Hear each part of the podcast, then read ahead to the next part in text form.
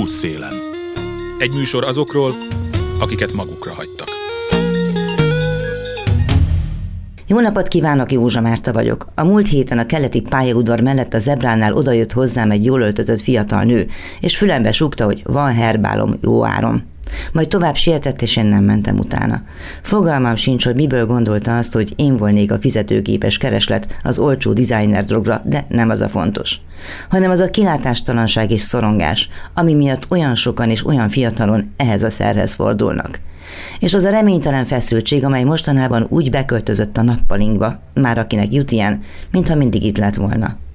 A demokrácia óráját ugyan nem húzta fel túl sokszor a történelem, és valaki megint és megint elfelejtette feltekerni, de mégis volt azért még olyan az életünkben. Emlékszünk még arra, amikor nem az volt az alapeset, hogy világszerte illiberális messiások visszafele ráncigálják a vekker kulcsát, és nem mer szólni nekik senki, hogy csak vészcsörgést hallani, és hogy előbb-utóbb elpattan az órarugó, ha emlékeznek még a klasszikus kronométerre. Aztán vannak olyanok is, akik nem azzal törődnek, hogy hányat üt most az óra, hanem felkelnek minden reggel, és tesznek valamit, ameddig még nem késő. És ezt még az utolsó órában is meg lehet tenni. Útszélen. A május a sokszínűség hónapja. Ez egy uniós kezdeményezés. A HBLF, azaz a Magyar Üzleti Vezetők Fóruma nevű non-profit szervezet foglalja össze nálunk. Számos vállalat, szakmai szervezet, szakember csatlakozik ahhoz a kezdeményezéshez, hogy ebben a hónapban még inkább ösztönözze a hátrányos helyzetű csoportok befogadását és a sokszínűséget támogató párbeszédet, a közös gondolkodást, a hídépítést és a jó gyakorlatok terjesztését. Simon Csaba úgy érzi, hogy minden rendben van a munkahelyén. Számítógépen dolgozik, lábbal, kéz nélkül született ugyanis. EU-n a hanyadik munkahelye? Hú, sokadik. Mennyire könnyű elhelyezkedni annak az embernek, akinek esetleg valami fajta fogyatéka van? Elég változatos. Függ attól, hogy milyen munkát keres, milyen munkahelyet. Hát ez nagyon összetett. Vannak jó meg rossz tapasztalatok is természetesen. Hogy viselkednek azokon a munkahelyeken önnel, ahol jók a tapasztalatai? Mire van szüksége? Szaktudása van, azt tudom. Sok minden nem kell hozzá. Gyakorlatilag segítőkészek, mind emberileg, mind szakmailag. Megkaptam azokat a úgymond feltételeket, amikkel végtaghiányjal is tudom végezni a munkát. Gondolok itt konkrétan arra, hogy ami valójában nem egy nagy átalakítás, tehát, hogy egy billentyűzetet letehetek a földre, egy szőnyegen. Mert hogy lábbal dolgozik. Így van, két végtag hiánya születtem, igen, lábbal dolgozom. Bent dolgozik a munkahelyén, vagy otthonról? Is is. Elég jó az a lehetőség, hogy megengedték, hogy itthonról gyakorlatilag bármennyit lehet dolgozni Úgyhogy nagy rész mostanában már itt arról. Nagy könnyebbség, hogy az utazás nem kell minden nap oda-vissza átvészelni. Hát világos, de azért gondolom, hogy az is jó, hogyha a kollégákkal van némi kapcsolat, nem? Természetesen persze, azért is szoktam néha bejárni, nem olyan gyakran, de azért néha, hogy megismerjék valakit. Azt mondja meg, hogyha ön vezetne egy vállalatot, akkor hogyan és miként figyelne azokra, akik fogyatékkal élnek és úgy szeretnének munkát vállalni, tudván, hogy gyakorlatilag ez mindenkinek egy egy hasznos szituáció, de mégis biztos vannak olyan dolgok, amelyeket saját tapasztalatából, saját kútfejéből tud, hogy mire kéne odafigyelni. Jó, jó kérdés, még ezen még nem gondolkodtam, ám bár azt gondolom vannak ezek az általános megoldások, mondjuk inkább megoldások, hogy például legyen egy lift, ha a kerekesszékes jelentkezik, ne legyenek küszöbök, tehát vannak ilyen úgymond akadálymentesített előírások, amiket azt gondolom ma már nem nehéz betartani, illetve betartatni. Nem kell ezt már túl gondolni annyira, mint régen, szerintem. Tehát az emberi tényezők? Emberrel dolgozni hát elég nehéz, ugye? Tudjuk, ez is függ ugye a munkakörtől. Milyen ember mit szeretne csinálni, egyáltalán olyan jelentkezik-e, aki alkalmas-e, kompetens-e. De azért megszűrném, megmondom őszintén. Tehát az első a kompetencia. Anyagilag érte vala a hátrány olyan munkahelyeken, ahol mozgássérülként tették fel? Hogy azért kevesebb fizetést kapott például, mint, a, mint mások? Nem, nem. Talán nem. Nem maradt meg bennem ilyen tüske, nem. Útszélen. Kemény Péter sokszínűség szakértő, de milyen is egy sokszínű munkahely? Igazából minden munkahely sokszínű, csak nem mindenki veszi ezt komolyan, vagy nincs talán mindenki annak tudatában, hogy mennyire mások a munkatársak. Egy sokszínűs munkahely az egy olyan szemlélet, amikor a vezetők odafigyelnek arra, hogy milyen különbségek vannak munkavállaló és munkavállaló között, és nem csak a személyes szükségleteikre figyelnek oda jobban, hanem igyekeznek összehangolni kinek-kinek a saját erősségeit és gyengeségeit, hogy a legoptimálisabb, legütőképesebb csapatok, leghatékonyabb csapatokat hozzák létre. Ez gyakorlatilag gondolom olyasmiket is jelent, hogy oda kell figyelni valakinek a nem tudom én családi körülményeire, életkorára vagy egyéb dolgokra is? Benne van az is, hogy a személyes tulajdonságokra azért figyelünk oda, hogy elkerüljünk mindenféle diszkriminációt vagy hátrányos megkülönböztetést. Tehát így módon ugye a sokszínűség menedzsment foglalkozik azokkal a látható személyes tulajdonságainkkal, hogy kinek milyen neme van, életkora, etnikai hovatartozása, vagy adott esetben fogyatékossága. Ezeket ugye azért figyeljük, vagy azért fontos, hogy ne történjen ementén se diszkrimináció, se előmenetelbe, se javadalmazásba, se semmilyen más módon, illetve hogy megtanuljuk ezeket ügyesen és úgy kezelni és használni egy munkahelyen, hogy az előnyös legyen mindenkinek.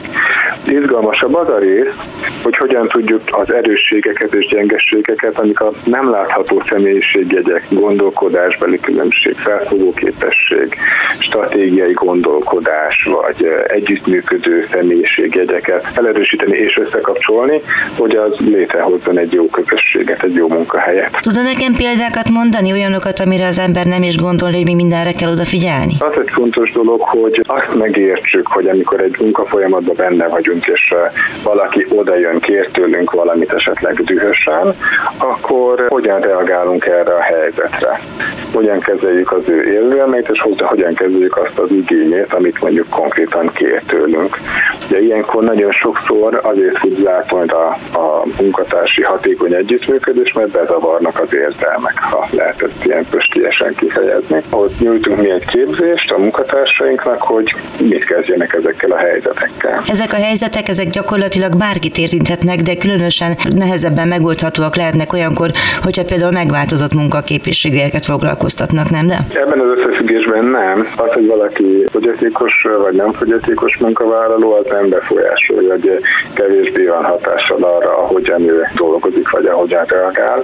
Inkább a többiek számára egy kihívás, hogy azokat az előítéleteket és sztereotípiákat tanulják meg átlépni. Hogyha egy fogyatékos munkavállaló dühösen reagál, vagy kér valamit, akkor nem mondjuk rögtön azt, hogy persze azért, mert ő fogyatékos. Ha ő esetleg szomorú vagy levelt, akkor ne az legyen az első gondolatom, hogy ó, biztos azért, mert fogyatékos.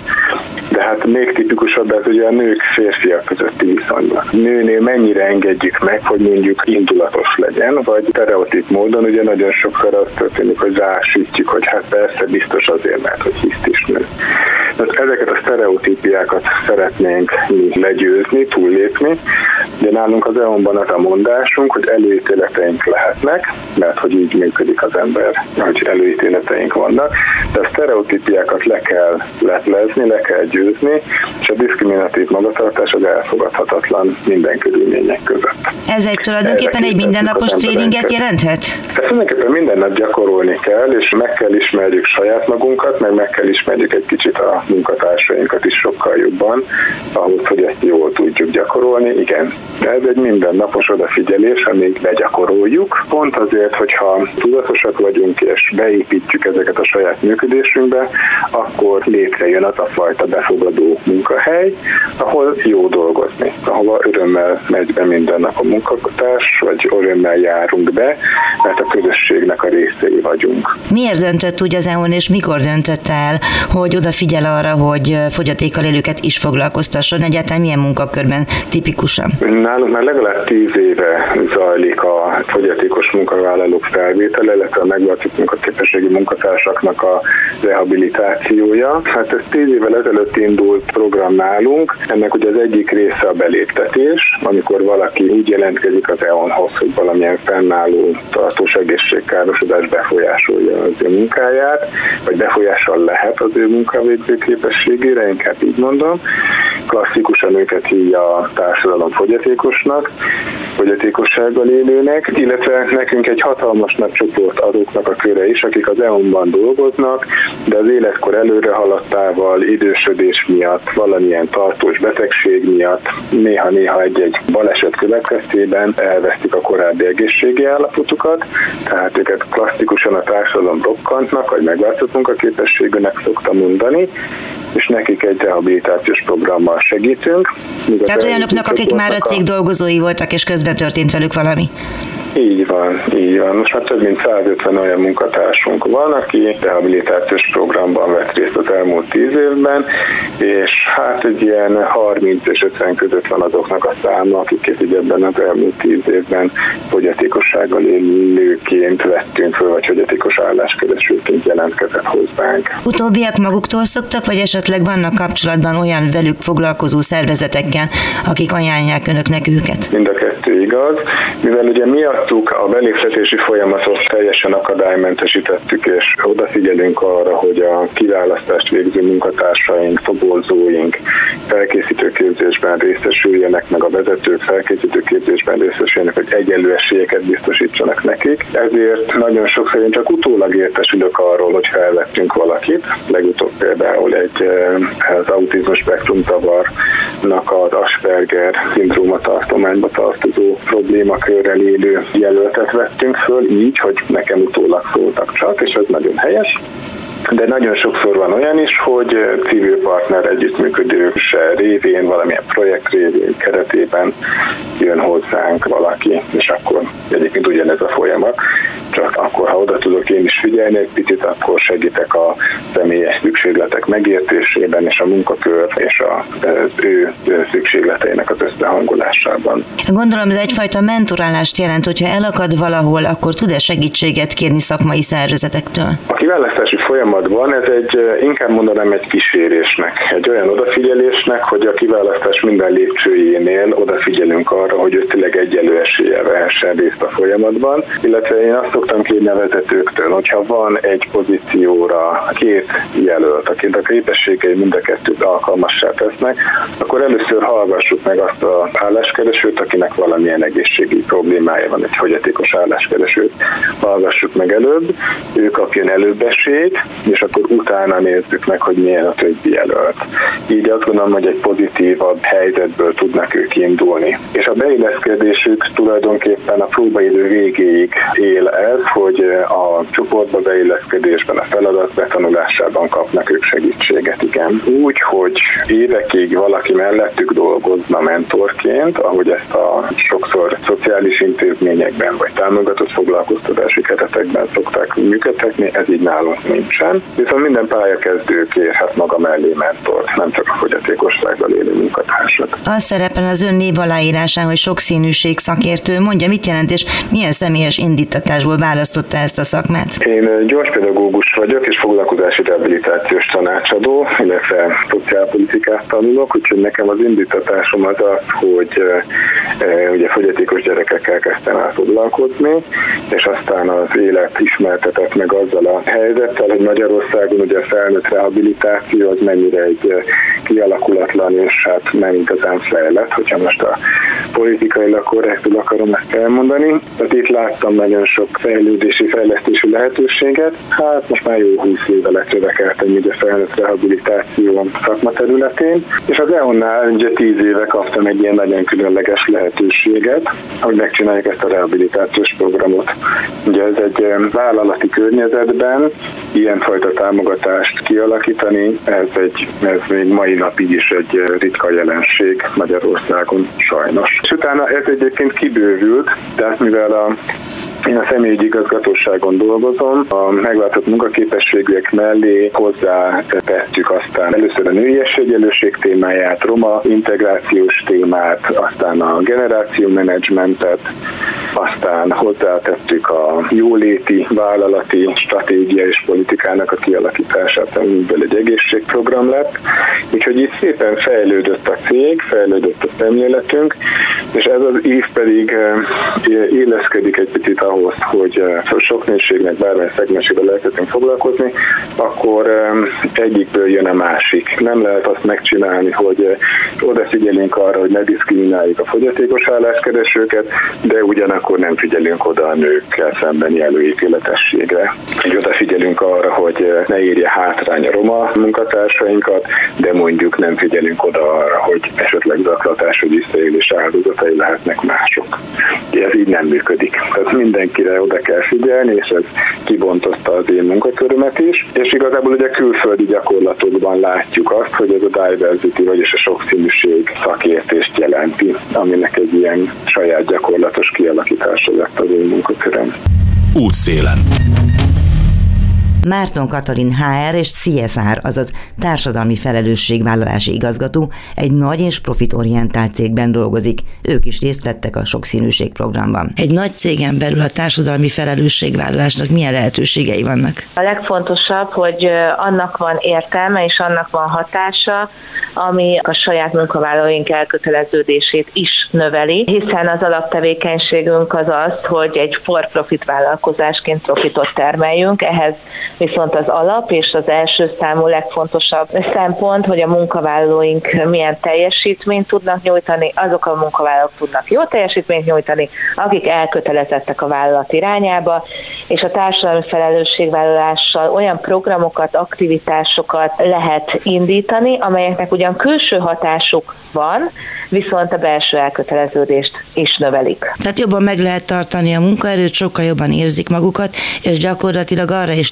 lehetőség nyílik, hogy olyan embereket alkalmazzanak a cégnél, akik mondjuk másút nehezebben találnak munkát, gondolok itt most a megváltozott munkaképességűekre, a fogyatékkal élőkre, és így tovább. Pontosan erre külön programot indítottunk pár évvel ezelőtt, mert azt gondoljuk, hogy minél színesebb a munkahelyünk, annál több lehetőséget tartogat, és annál, annál hatékonyabban tud együttműködni egy divers csoport. Éppen ezért megváltozott munkaképességű kollégáinkat nagy számban foglalkoztatunk az áruházainkban és a központunkban. Hogy kerülnek oda kapcsolatban? Van a cég különböző ezzel foglalkozó szervezetekkel, vagy egyszerűen csak bepottyannak az utcáról, vagy egyszerűen adják egymásnak a hírt, hogy igen, itt szívesen fogadnak bennünket? Minden megoldás él, de az induláskor mindenképpen úgy kezdtük, hogy felvettük a kapcsolatot olyan alapítványokkal, egyesületekkel és ernyő szervezetekkel, akik segítettek minket is abban, hogy hogyan lehet leginkább tartósan és fenntartható módon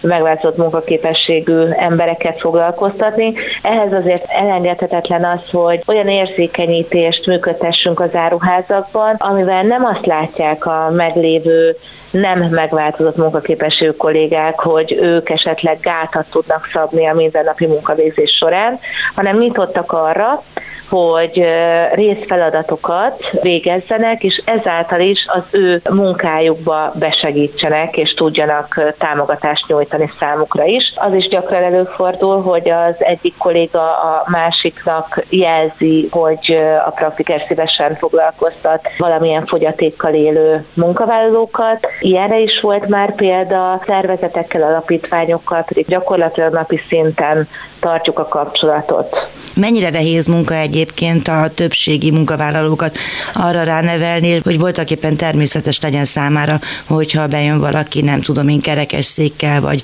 nem tudom én, akár valamilyen értelmi fogyatékossággal. Önmagában az elfogadás, hogyha például vásárló jön be kerekes székkel, az teljesen oké, okay, az teljesen természetes. Ha munkavállalóként, kollégaként kell megfogalmazni ugyanezt, akkor ott már szükség van támogatásra. És nem is azért, mert nem akarja, csak annyira sok esetben nem tudjuk, nem ismerjük az egyes fogyatékosságoknak a, a mikéntjét, mi voltját, automatikus emberi reakcióként inkább távolságot tartunk, és inkább elutasítjuk adott esetben. De hogyha erre megfelelő edukációval tudunk szolgálni, és ebben tényleg nagyon komoly szerepet töltenek be azok az alapítványok, akik évek, évtizedek óta azzal foglalkoznak, hogy ebben segítsék a munkáltatókat is, akkor egy idő után megtörik a jég, és, és egy nagyon-nagyon harmonikus együttműködésnek a tanúi vagyunk számtalan helyzetben. Tehát ez nyilván azt jelenti, hogy a szocializációját is elősegíti azoknak az embereknek, akik végre munkahelyet találtak. Legtöbb esetben nagyon-nagyon sikeres sztori. Ők érzik ennek a jelentőségét, hogy nekik más egyéb munkavállalóval szemben mennyivel sokkal nehezebb megtalálni a helyüket a munkaerőpiacon. És hogyha találnak egy olyan helyet, ahol érzik a befogadást, és érzik azt, hogy ők hasznos munkát tudnak végezni, akkor a motivációjuk a szárnyal, és olyan elkötelezetté válnak, vagy, vagy a helyből is egyébként azok, hogy tényleg hosszú távra kiszámítható szereplői a cégnek. Hányan dolgoznak a cégnél, és ezen belül hányan vannak azok körülbelül, akik fogyatékkal élnek? 1550-en dolgoznak jelenleg a praktikerben, közülük 70 megváltozott munkaképességű munkavállalónk van, ez lehet, hogy nem tűnik annyira nagy számnak, de hogyha azt mondom, hogy 2018-ról 2021-re ez 9-ről nőtt ez a szám 70 főre, itt már érezhető a fejlődés. Ez nem a vége, de azt látjuk, hogy nem szabad ajtós rohanni a házban, meg kell adni minden egyes munkavállalónak a beilleszkedésnek az idejét, a lehetőségét, és ez nem napok vagy hetekben mérhető, ez sok esetben hónapokban is, és inkább a stabilitásra és a hosszú távú fenntarthatóságra törekszünk jelen esetben is. Ezek az emberek valamilyen szakma birtokában mennek már oda dolgozni, vagy pedig van olyan, hogy betanulnak? Nagyon vegyes. Vannak, akiknek van kereskedelmi végzettségük, vannak, akiknek egyéb szakképesítésük van, és van olyan, akiknek kevésbé van bármilyen szakképesítésük. Van olyan kollégánk például, aki erősen nagyot halló, bőrdíszműves a végzettsége, de teljesen mást csinál a mi áruházunkban. Ő például készletgazdálkodással foglalkozik jelenleg. Egyébként minden esetben is egy komoly onboarding folyamaton mennek át a hozzánk érkező kollégák. Ami mit jelent? Az egyrészt egy alapbetanítást jelent minden területre, és arra a területre, ahova véglegesen meg fog érkezni, ott egy sokkal mélyebb, részletesebb, átfogóbb tréning sorozaton vesz részt. Mindig igyekszünk a hozzánk érkezőkre megfelelő rugalmassággal átgyúrni adott esetben ezeket a programokat. El lehet ezt mondani, hogy a praktikernél bármi lehet abból, aki bekerül oda, és meg, amúgy megváltozott munkaképességű? Őszintén teljesen bátran kimerem jelenteni, nem okozhat akadályt az, hogyha valakinek bármilyen fogyatékkal élő, megváltozott munkaképessége van. Legjobb példánk erre talán az a Bence, akit az előbb is említettem a Győri áruházunkban, egy fiatal ember, aki az első munkahelyére érkezett a praktikerhez, nem volt ilyen irányú szakképesítése, kipróbált egyéb területeket is, nagyon örömmel és boldogan végzi most már a készletgazdálkodási munkákat, mindenkinek a legnagyobb megelégedésére, és ő maga egy sikerként értékeli ezt a saját élete szempontjából is. Simon Csaba munkavállalót, Kemény Péter sokszínűség szakértőt, Márton Katalin HR és CSR, azaz társadalmi felelősségvállalási igazgatót hallották arról, hogy mit tehet meg egy-egy munkahely azért, hogy ott méltó körülmények között lehessen dolgozni azoknak is, akik például fogyatékkal élnek. Tartsanak velem a műsor második felében is Kovács Vera, az Utcáról Lakásba Egyesület alapító társelnöke, és Krivácsi Balázs, a Szolidáris Lakhatás Projekt önkéntes lakáskoordinátora lesznek a vendégeim a hírek után. Józsa Márta vagyok, üres lakásokat keresünk most. Korábbi felmérések szerint több mint százezer lakás áll üresen Budapesten, országszerte több mint fél millió. És itt vannak ezer szám azok a háborús menekültek, akiknek fedél kellene a fejük fölé. És azok a tízezrek, akik hazaiak, és a lakhatási szegénység elől menekülnének, ha volna hova. A szolidáris lakás felajánlás tulajdonképpen éppen azt jelenti, mint maga a mozgalom neve. A lakhatási koalíció szervezi, és olyan felajánlókat keres, akik az Ukrajnából menekülők számára középtávú, azaz két hét és hat hónap közötti időtávra szállást tudnak biztosítani Budapesten és a környékén. Nem vagy nem feltétlenül ingyen, adott esetben piaci árért vagy azt megközelítve. Hallani fogják, minél több ilyen lakás és belátó tulajdonos kerül elő, annál könnyebb lesz enyhíteni a hazai lakás inségen is. Kovács Vera az utcából lakásba egyesület alapító társelnöke, és Krivácsi Balázs a Szolidáris Lakhatás projekt önkéntes lakáskoordinátora a vendégeim.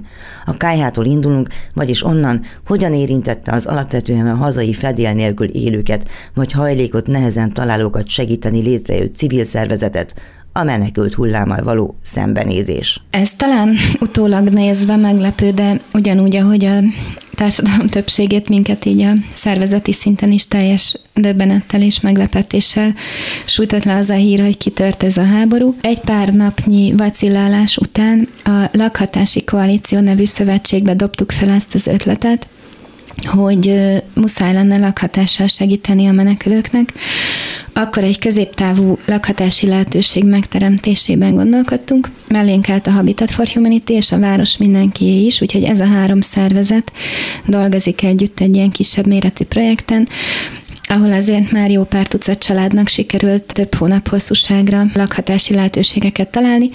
Hát ez most már a több Úgyhogy... hónap, de meséld el a legelejét. Tehát, hogy ugye kitört a háború, ez egy reggel volt.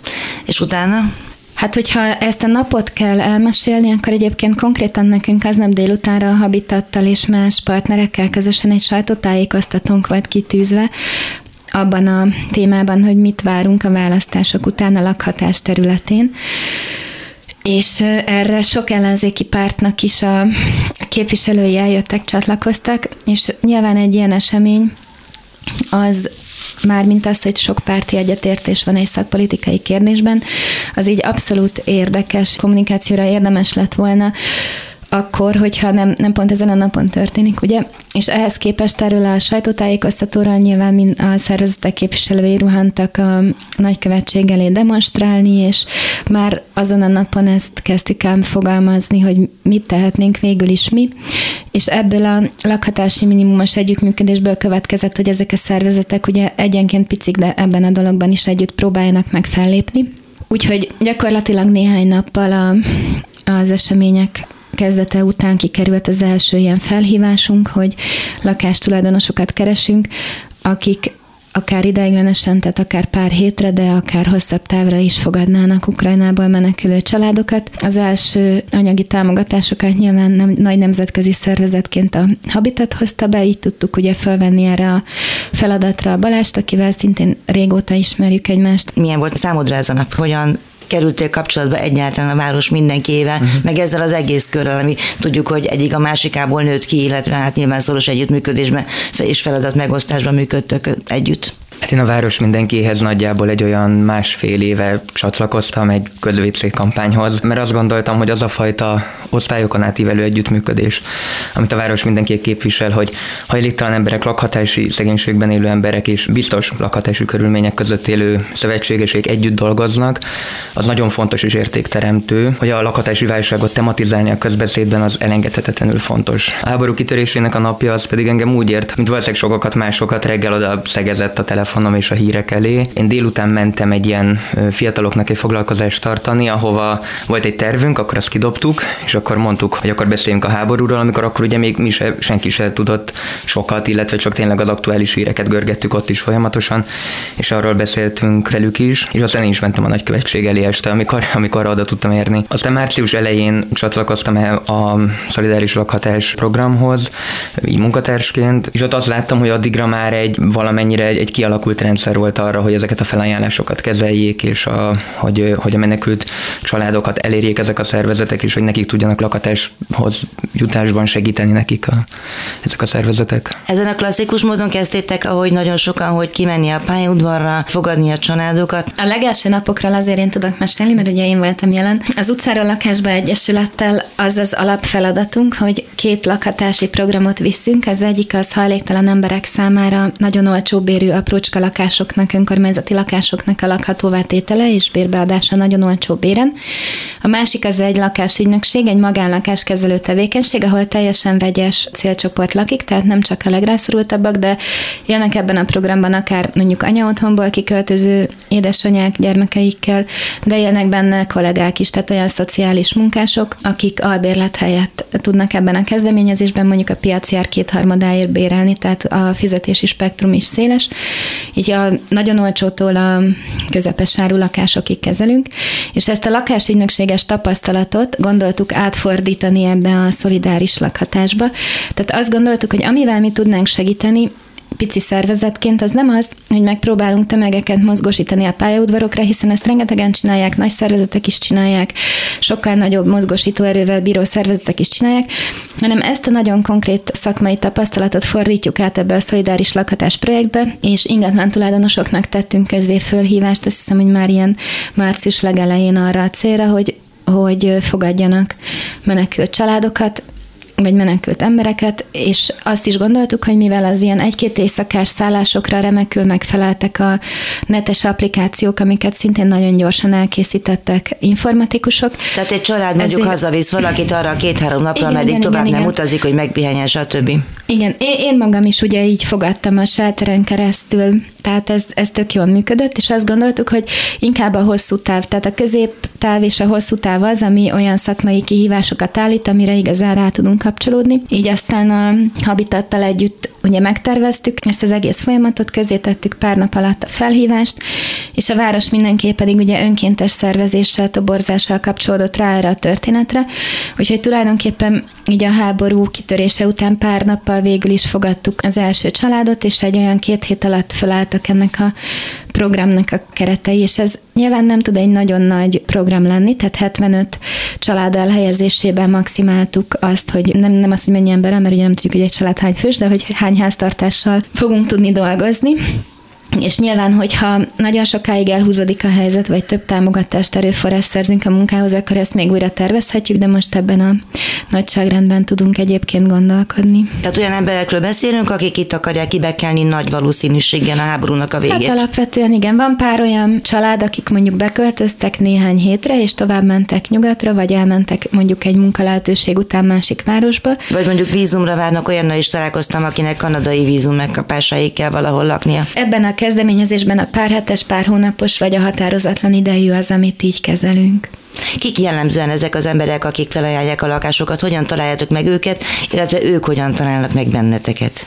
Hát közé tettük ezt a felhívást mind a három szervezet a saját platformjain. Igazából szerintem viszonylag változatos képet mutat abban, hogy vannak olyanok például, akik külföldön élnek, és az itthon fenntartott lakásukat adják ki. Volt olyan, akinek pont nem volt albérlő abba a lakásba egy pár hónapig, és akkor arra az időszakra adta ki menekülteknek. Szóval vannak olyanok is, akiknek mondjuk a házánál van egy kisebb épület még a telken, és akkor azt adták ki menekülteknek, tehát viszonylag sokféle felajánlás jön, és ez tulajdonképpen a, a menekültekre is igaz, tehát ugyanúgy érkeznek hozzánk kárpátaljai családok, érkeznek hozzánk a háború által leginkább sújtott területekről, érkeznek Kiev környékéről, ukránok, magyarok, tehát nagyon változatos ebben is a kép.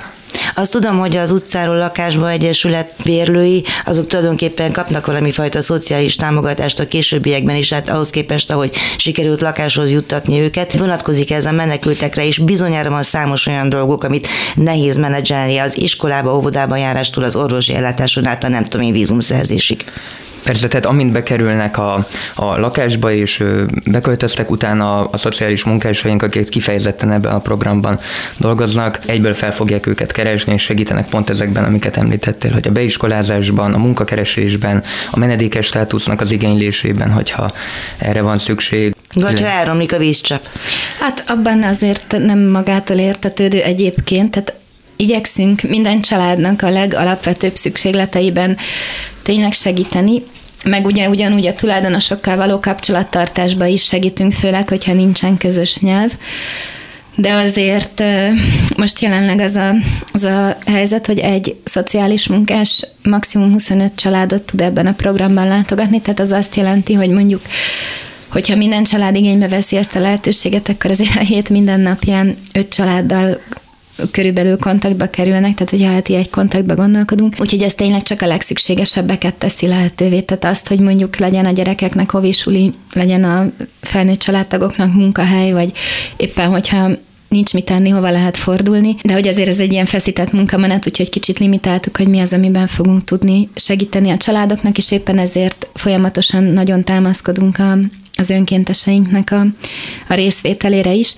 Az szerintem nagyon fontos, hogy a program kezdete óta legalább 20 önkéntes az, aki, aki segíti a, a munkát, és akkor őket Balázs az, aki összefogja és ők nem csak a bejövő megkeresések megválaszolásába segítenek, hanem például az ilyen bérlői kapcsolattartásba, tehát ami nem igényel mondjuk egy szocmunkás készséget. Vagy mondjuk egy tolmácsolási készséget igényelhet adott esetben. Hogy álltok önkéntesekkel, például mire van szükség? Önkéntesekre mindig van szükség, és örömmel látunk mindenkit, pont ezekre a feladatokra, amiket a Vera az előbb leírt, de, de valóban igaz az, hogy már több mint 20 dolgoztak önkéntesként ebben a programban. Tolmácsokkal hogy álltok? Tolmácsunk van, de az is mindig jól jön, mert a, az egyik szociális munkásunk beszél ukránul, ami nagyon fontos ugye azért, hogy azokkal a családokkal, akik csak ukránul vagy oroszul beszélnek, mert van ilyen is. Jellemző?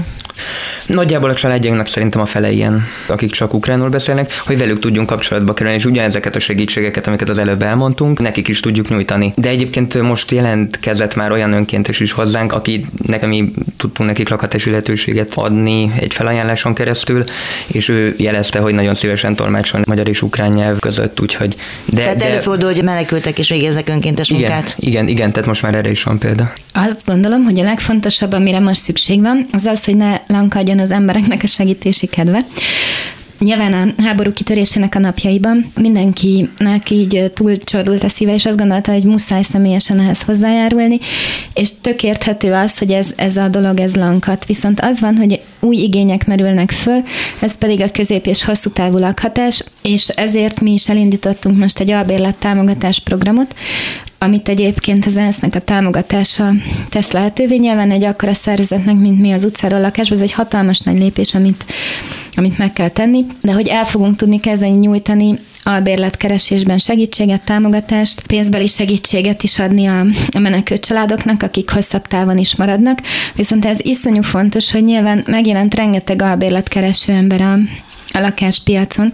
Tehát kellenek azok a tulajdonosok, akik képesek hajlandóak bérbeadni mondjuk fél éves, egy éves szerződéssel ukrán családoknak az ingatlanjukat, akár piaci áron is, mert csomó család most már elhelyezkedett munkába állt, kezdenek letelni a szívességi szállásoknak a, az időtartamai, és hogy sokan bérelnének.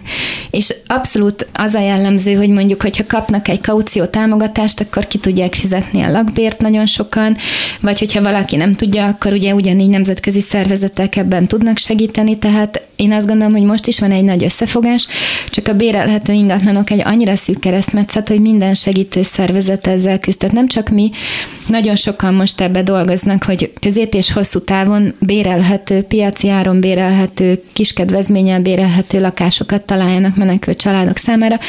Ebből azt gondolom, hogy most a háború végéig sose lesz elég, tehát ez, ez a leges legfontosabb, hogy akinek bérbeadható lakása van, akár Airbnb-ből, akár más szálláshelyként hasznosított, akár üresen tartott, tehát hogy, hogy mindenkinek azt mondjuk most, hogy fontolja meg, hogy ezeket lakhatási célra bérbe adja. Tehát most nyilván nem az lenne a cél, hogy az amúgy is tök telített budapesti albérleti piacra rászabadítsunk mondjuk versenytársként még rengeteg bérlőt, de azoknak, akiknek tényleg befektetési, kereskedelmi, egyéb célból üresen van bármilyen ingatlanjuk, azoknak nagyon javasoljuk, hogy fontolják meg, hogy beszállnak ilyen programokba. Mi hiányzik inkább lakás, vagy pedig a lakását felajánló ember? Egyáltalán bizalmatlanok az emberek, vagy van bizalmuk ahhoz, hogy kiadják menekülteknek a lakást? Ugye nyilvánvalóan, akik felajánlották nálunk, nekik nem csak egy bizalmuk van, hanem kifejezetten menekültek számára szeretnék felajánlani a lakást, amiért nagyon-nagyon hálásak vagyunk. Nem tudom pontosan, hogy mi erre a válasz. Nyilván az, amit a. Hát lehet, a... hogy nem is kutattad, úgyhogy nem tudhatod, csak a benyomásaidat kérdezem. Említett, hogy amúgy is nagyon telített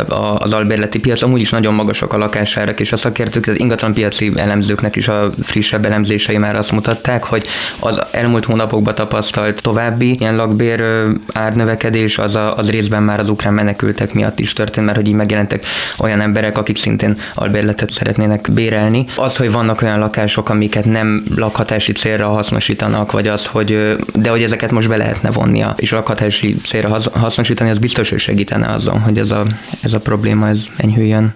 Tudsz mondani számokat, hogy körülbelül mennyi lakás van most, mennyi ember van most, és mennyien várnak esetleg arra, hogy erre, ez a lehetőséghez jussanak? Mi több mint 30 családot elhelyeztünk már ilyen középtávú szálláson, ezek közül több mint 20 az jelenleg is. Nálunk van egy részük, ugye, ugye, ahogy Vera is említette, máshol talált munka lehetőséget, akár másik országban, akár Magyarországon belül máshol, de a családok többsége az jelenleg is nálunk van. Nagyon sokan várnak lakás lakhatásra. Ez azért nem tudok pontos számot mondani, mert naponta több fut be hozzánk és igénylés. is foglalkozik vele nyilván. Illetve sok olyan van, akit mi nem feltétlenül látunk, de például vagyunk kapcsolatban olyanokkal, például a Budapesti ilyen hajlítalan ellátórendszerben ugye most menekülteket is elszállásolnak, és velük is kapcsolatban vagyunk, ha írunk nekik, akkor bármikor vannak ott további olyan családok, akik most sokak számára nem láthatóak, hogy ők itt vannak, de valójában sokan tömegszállásokon vannak a menekültek közül, sokan olyan rokonoknál vannak, akik mondjuk távolabbi rokonok, és egy-két hónapra be tudták őket fogadni, de nem tudnak hosszú távon együtt élni.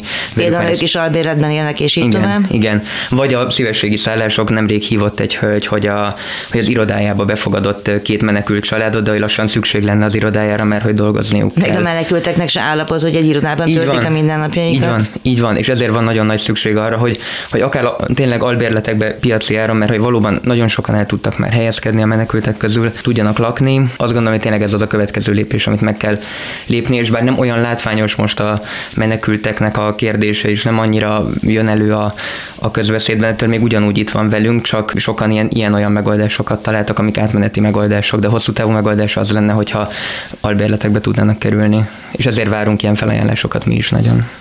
Még egy annyit, hogy mi megy könnyebben, és mi az, ami nehezebben megy. Mondjuk a munkahelykeresés, vagy az iskola, vagy az óvoda, vagy hol van rugalmasság, és hol van több buktató? Igen, ez nagyon izgalmas kérdés.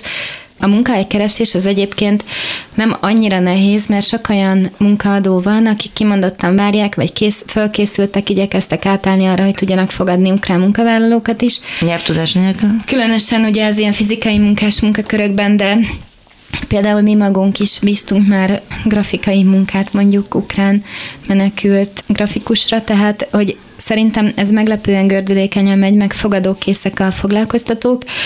Nyilván egy iskolában, óvodában az a nehéz, hogy ott ugye van egy 20-30 gyerekes közösség, integrálni egy olyan kisgyereket, akinek tök más a kultúrája, nyelve, tudásanyaga, megszokott környezete, az ugye a legnehezebb nyilván az érintett kisgyereknek, de az egész közösségre kihatással van. Csomószor az iskolák, óvodák tartanak ezektől a helyzetektől, vannak, akik pompásan megugorják, és vannak, akik megugorják, mert muszáj, és vannak, akik próbálják inkább lerázni, tehát ez tök vegyes, hogy a közoktatási intézmények ehhez hogy állnak hozzá. Nálunk az a tapasztalat, hogy a, most iskoláztak be belvárosi iskolákba több családnak a gyerekeit, és akár osztály vagy iskola szinten is tök változó, hogy mennyire nyitottak, vagy mennyire óckodnak ettől a feladattól a sulik.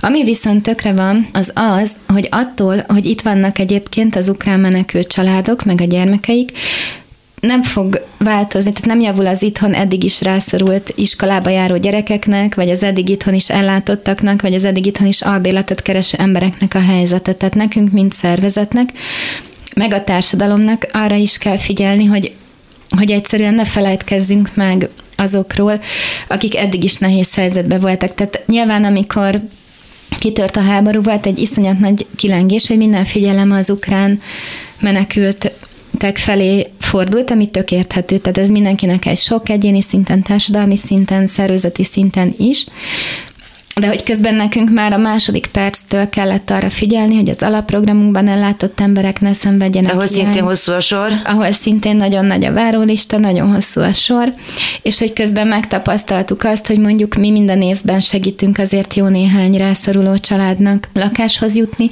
de ezzel együtt is erős kritika ért minket, hogy most miért fogunk bele az ukrán menekültek támogatásába, amikor ugyanúgy nem változott az a helyzet, hogy sorba állnak a hazai És mi a válasz erre? Én nem gondolom azt, hogy itt van mérlegelési lehetőség, tehát ez egy akkora, akkora trauma, meg sok így össztársadalmi szinten, és az a tapasztalat egyébként, hogy e- nem lesz attól effektív kevesebb a mi programjainkban résztvevőknek. Tehát azok a kapacitások, meg lehetőségek, amik most megnyíltak a, az ukrán menekültek előtt, azok a mi esetünkben egészen biztos, hogy eddig nem voltak jelen a szervezetben, tehát ezt mi is plusz vállalásként. Tehát mondjuk az, hogy az ENSZ támogat benneteket, az legalább olyan szempontból, hogy mondjuk fel tudtatok venni dolgozót pluszba, vagy ehhez hasonló, az lehet, hogy a későbbiekben segítség lesz. Hát az van, hogy ezek ugye, ezek a partnerségek, lehetőségek nem álltak rendelkezésre az alapprogramunkban, tehát mi minden olyan tevékenységet, és ez ugyanúgy igaz a habitatra is, meg a város mindenkire pláne.